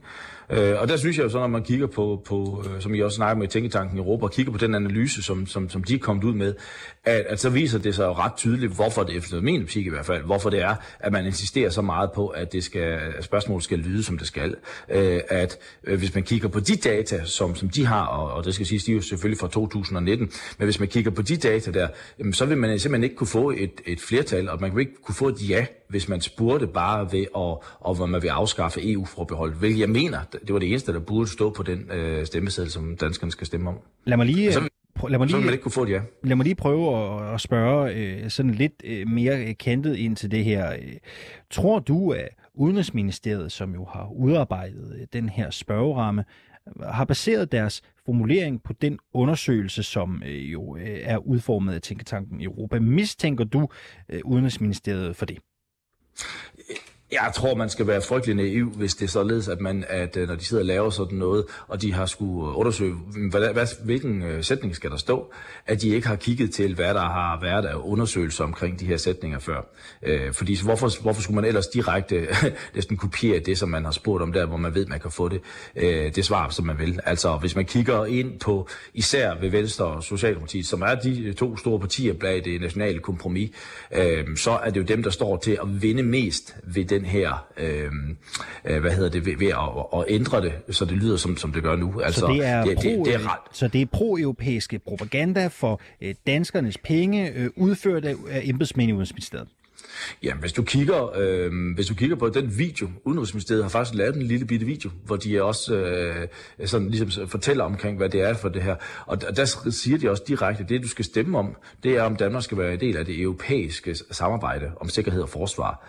Øh, og, og, og, og der er jo ikke nogen, jeg kender, der, ja, det kan godt være, der er enkelte, men der er i hvert fald ikke mange, når jeg er ude til debatter, der ikke synes, at, at Danmark skal være med i et europæisk samarbejde om forsvar. Øh, det er vi allerede, og, og, og det er vi også i, i takt med, med NATO, hvor der nogle gange, hvor de europæiske lande går sammen om at lave noget. Vi, vi var sammen med europæiske lande øh, om, omkring for at sikre danske øh, skibe øh, mod pirater, så, så selvfølgelig øh, synes jeg, og det synes alle, tror jeg, at, at man skal være en del af et, et europæisk samarbejde. Spørgsmålet er, om det skal være ved at afskaffe det forbehold, man har til EU. Og der viser det jo ret tydeligt, hvis man kigger fra, på Socialdemokratiets vælger, jamen, jamen så vil det jo være det, hvad det være... Øh, ret, ret, ret stor forskel. Ikke? Øh, og det samme med Venstre, altså Socialdemokratiet går fra 34 procent af deres vælgere, der vil afskaffe forbeholdet, til 59 procent, som gerne vil det europæiske samarbejde. Du må undskylde, jeg, du må undskylde, jeg afbryder dig. Det er fordi, vi skal høre et klip, og tiden løber, øh, og, og vi har jo desværre ikke øh, uanede mængder af tid i vort lille format her. Øh, vores politiske redaktør Emil Winkler, han forsøgte i går at spørge udenrigsminister Jeppe Kofod, om analysen har haft en indvirkning på deres formulering. Lad os lige prøve at høre, hvad han sagde i klippet her. Jeg står her med et notat fra øh, Tænketanken Europa, der hedder Politisk ståsted og framing afgørende forholdninger til EU-forbehold fra februar 2019. Kender du det notat? Øh, det, det kan godt være, men så skal jeg nok genbesøge det. Øh, det, det. Det skal jeg have tid til at kigge på. jeg kan, lige, jeg kan lige fortælle dig konklusionen. Konklusionen er, at danskerne er altså generelt mere positive over for det europæiske forsvarssamarbejde, når der er tale om deltagelse frem for afskaffelse af forbeholdet. Spillede det ind på jeres lovforslag? Nej, fordi det vi uh, tager stilling til, det er, om vi skal deltage uh, fuldt ud i det europæiske samarbejde om sikkerhed og forsvar. Ligesom da vi stemte i år 2000 om, om den fælles valuta, der, der var spørgsmålet også, skal Danmark deltage i den fælles valuta, øh, euroen dengang. Så, det, så bare for at sige, det er det, der, det er sådan set det, der er, er kernen. Men det er klart, for at kunne deltage, så skal man afskaffe forsvarsforbeholdet, fordi ellers kan man ikke deltage. Så har vi på forhold med afbud øh, som Danmark til EU's forsvars- og sikkerhedssamarbejde, øh, modsat EU-landene modsat andre lande uden for EU, blandt Norge og selv USA er med i et, et projekt her osv. Så, så, så, så, så, så det er, man kan sige, øh, det, det er en forudsætning for, at man kan deltage, at man afskaffer øh, forsvarsforbeholdet, og på den måde hænger de to ting jo sammen. Tak skal du have. Ja. Vi er nødt til at Nå, ja. Det kan være, at vi ses senere. Nå, det var ikke mange spørgsmål, vi fik lov til at stille Jeppe Kofod her på vejen ud. Ja, her siger udenrigsministeren altså, at der ikke er noget spin eller fikumdik med den her formulering. Det handler om at deltage, og derfor skal man afskaffe. Hvad tænker du om det? ja, det vil jeg også sige, hvis jeg var udenrigsminister. Så tror jeg nok, jeg vil fedt den af og sige, jamen det, det har jeg ikke noget kendskab til, men så skal jeg lige genbesøge Lyver han, altså. tror du? Og, nej, jeg, ved, jeg skal ikke sige om, om, om men, men, Hvad pynter men, han på sandheden så? Hvad gør han? Nej, det, det altså, øh, jeg ved jo ikke, nej, det kan jeg ikke sige, fordi jeg ved jo ikke, om, om, om ministeren har været inde over. Altså, jeg tror ikke, at, at han måske, han har fået nok noget, nogle, nogle forslag stillet, og så siger, at vi anbefaler det her. Altså, det er jo nok ministeriet, øh, nogle medarbejdere i ministeriet, som sidder og arbejder det her. Jeg tror ikke, det er ministeren, der sidder selv og laver det her. Det vil i hvert fald ikke være min umiddelbare vurdering der. Nå, det var, men, tror du, der er et embedsværk, Lars, på... Lars Borg, tror du, der er et embedsværk i Udenrigsministeriet, som består af pro-europæere, som sidder og forsøger at arbejde for et, øh, et, et ja til danskerne? Ja, der er selvfølgelig et embedsværk, som, som sidder og, og arbejder for regeringen. Ja, selvfølgelig. Sådan, sådan er det jo. Som altså, er særligt altså, pro-europæisk? Og i UM. I, i, som, som gerne vil tilfredsstille regeringen og, og, og få give regeringen det resultat, som de ønsker. Det der er, er jeg slet ikke tvivl om. Sådan, sådan fungerer en, en, et embedsværk, og det er der jo ikke noget odiøst i. Og, og når du kigger på, hvor stor forskel der er på, om du spørger på den ene eller den anden måde, øh, så er det jo klart, så, så, så er det jo klart, så vil de jo spørge på den måde, som giver det største, altså den notching, den framing, som de har behov for, for, for at få det. Altså, øh, når du kigger på tallene, så går man ganske enkelt fra et nej til et ja alt efter hvordan du spørger. Der er 14 procentpoints forskel. Altså det er, jo, det er jo ikke bare en lille bitte forskel, det er jo den afgørende forskel Men på, tror om du man ikke, får danskerne, tror du ikke, danskerne er kloge nok til at gennemskue, hvad den her afstemning handler om, uanset om der står afskaffe eller deltage? Jo, men så skal du ud i, om, om det, det, for mig handler det ikke om, de er kloge eller ikke kloge. Så, så kunne du lige så godt sige, virker reklamer, virker reklamer Jamen, tror du, de er det? Øh, jeg, jeg tror absolut, at danskerne bliver påvirket af, hvordan spørgsmålet det lyder. Og, og, altså, ja. og, og især, især når der er en hel kampagne, som er også bygget op omkring, om, omkring, at det handler om europæisk forsvar og sikkerhed, hvilket jo ikke er sandt, fordi for eksempel britterne er jo ikke med i EU, og de er jo stadigvæk med omkring det europæiske sikkerhed og forsvar osv. Så, videre. så rent faktuelt passer det jo heller ikke. Men ja, selvfølgelig har jeg da en, en, en, en, en idé om, at danskerne bliver påvirket af den kampagne, som der bliver ført. Ellers står der pokker i, at de fører en kampagne. Så ja, jeg mener absolut, at danskerne kan påvirkes alt efter, hvordan det bliver framet.